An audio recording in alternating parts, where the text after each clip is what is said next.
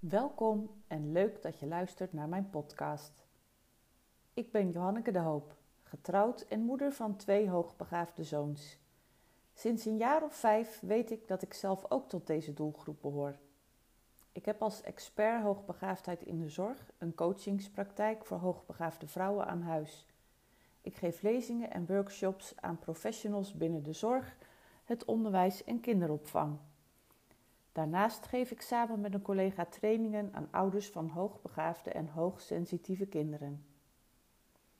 De inspiratie voor deze serie podcasts kreeg ik in de zomer van 2021 tijdens de interviews die ik hield met hoogbegaafde vrouwen.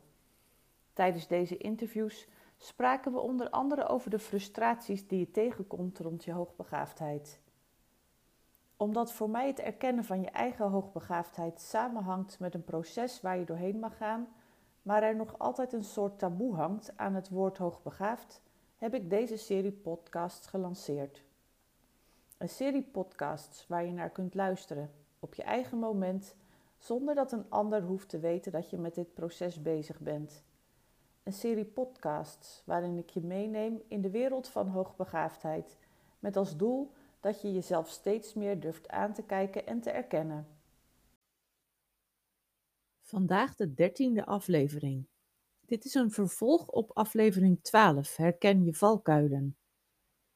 De elf valkuilen die worden omschreven zijn zichzelf als norm zien, iets bereiken kost tijd, communicatie, je comfortzone verlaten, moeite met falen, lege toolbox, heftige emoties, overpresteren, weerstand, sociale omgang en anders zijn.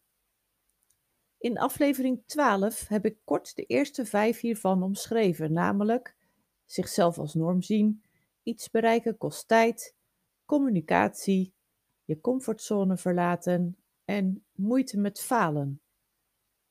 In deze aflevering beschrijf ik kort de andere zes, namelijk een lege toolbox, heftige emoties, overpresteren, weerstand, sociale omgang en anders zijn. De valkuil een lege toolbox. We weten allemaal dat er in een gemiddelde gereedschapskist, een toolbox dus, hulpmiddelen zitten die je nodig hebt om dingen te realiseren. Denk daarbij in dit geval aan plannen, samenvatten, schematiseren, to-do-lijstjes gebruiken, studiemethoden, etc. De toolbox van hoogbegaafden wordt vaak niet of minder gevuld. En dat staat haaks op wat de omgeving denkt. De omgeving denkt juist vaak dat hoogbegaafden alles kunnen en spontaan een goed gevulde toolbox hebben. Neem als voorbeeld studiemethoden. Omdat op het moment dat je als kind tools krijgt aangereikt om bijvoorbeeld leerstof te verwerken, die leerstof vaak te makkelijk is en die tools eigenlijk niet nodig zijn. Daardoor leer je die studiemethoden niet goed te gebruiken. En op het moment dat je ze wel nodig kunt hebben, vaak pas veel later in de studie, tijdens de studie, heb je vaak niet meer de moed om het je aan te leren. Wanneer je dan afhaakt, wordt het vaak gezien als luiheid en niet als een aanwijzing voor een lege toolbox. Heftige emoties kan een andere valkuil zijn. Als hoogbegaafde ervaar je vaak een mismatch met je omgeving. Op het moment dat die mismatch leidt tot heftige emoties, en je daar last van hebt, kun je spreken van een valkuil. De heftige emoties kunnen ervoor zorgen dat het functioneren van de persoon die ze ervaart sterk belemmerd wordt. Je zult merken dat deze valkuil er een is die vaak samengaat met andere bekende valkuilen.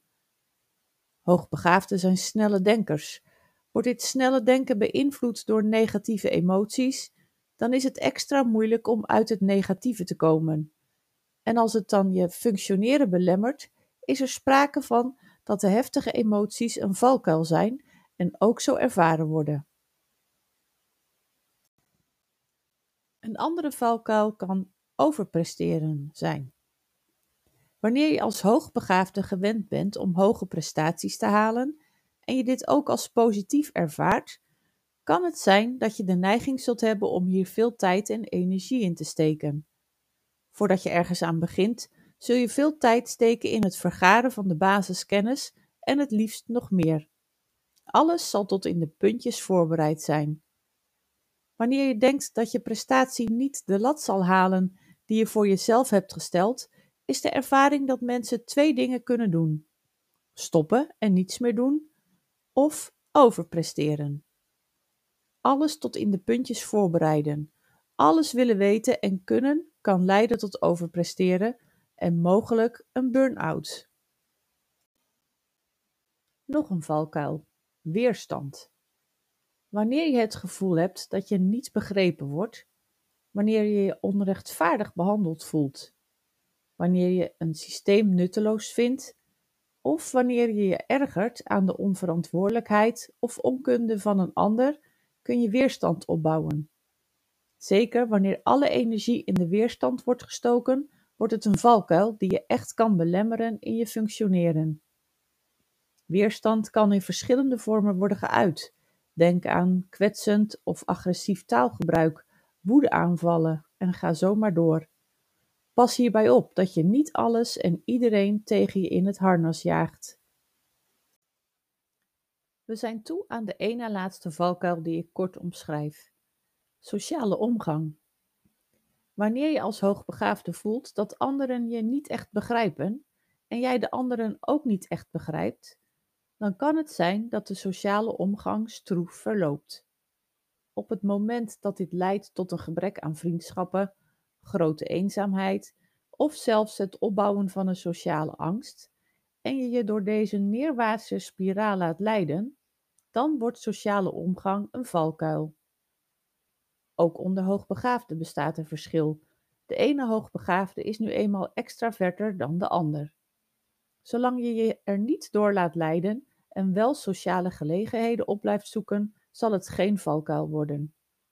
Een tip: ga eens naar bijeenkomsten van bijvoorbeeld het IHBV, Mensa of andere organisaties, stichtingen rond hoogbegaafdheid en ervaar hoe anders de sociale omgang met gelijkgestemden kan zijn. De laatste valkuil: anders zijn. Veel hoogbegaafden die ik spreek geven aan dat ze zich altijd anders hebben gevoeld. Anders dan de anderen op school, anders dan hun collega's, anders dan de anderen bij de sportclub en ga zo maar door. Op het moment dat je er naar gaat gedragen en je jezelf aan gaat passen, dan wordt het een valkuil. Daarom is het zo belangrijk dat hoogbegaafden van jongs af aan met ontwikkelingsgelijken in aanraking komen. Je zult dan beter in staat zijn om om te gaan met de verschillen tussen mensen. Je hebt immers ervaren dat er mensen zijn die hetzelfde zijn als jij. Je hebt nu over elf mogelijke valkuilen gehoord. Misschien herken je er een aantal en ben je opgelucht omdat je nu voor het eerst dingen waar je tegenaan loopt herkent en hoort dat je niet de enige bent die last heeft van deze valkuilen. Het goede nieuws is dat je kunt werken aan je valkuilen. Daarbij is bewustwording de eerste stap. Het bewust worden dat het dus niet per se jouw schuld is, dat je niet per se iets fout doet, maar je ervan bewust zijn dat datzelfde geldt voor de ander.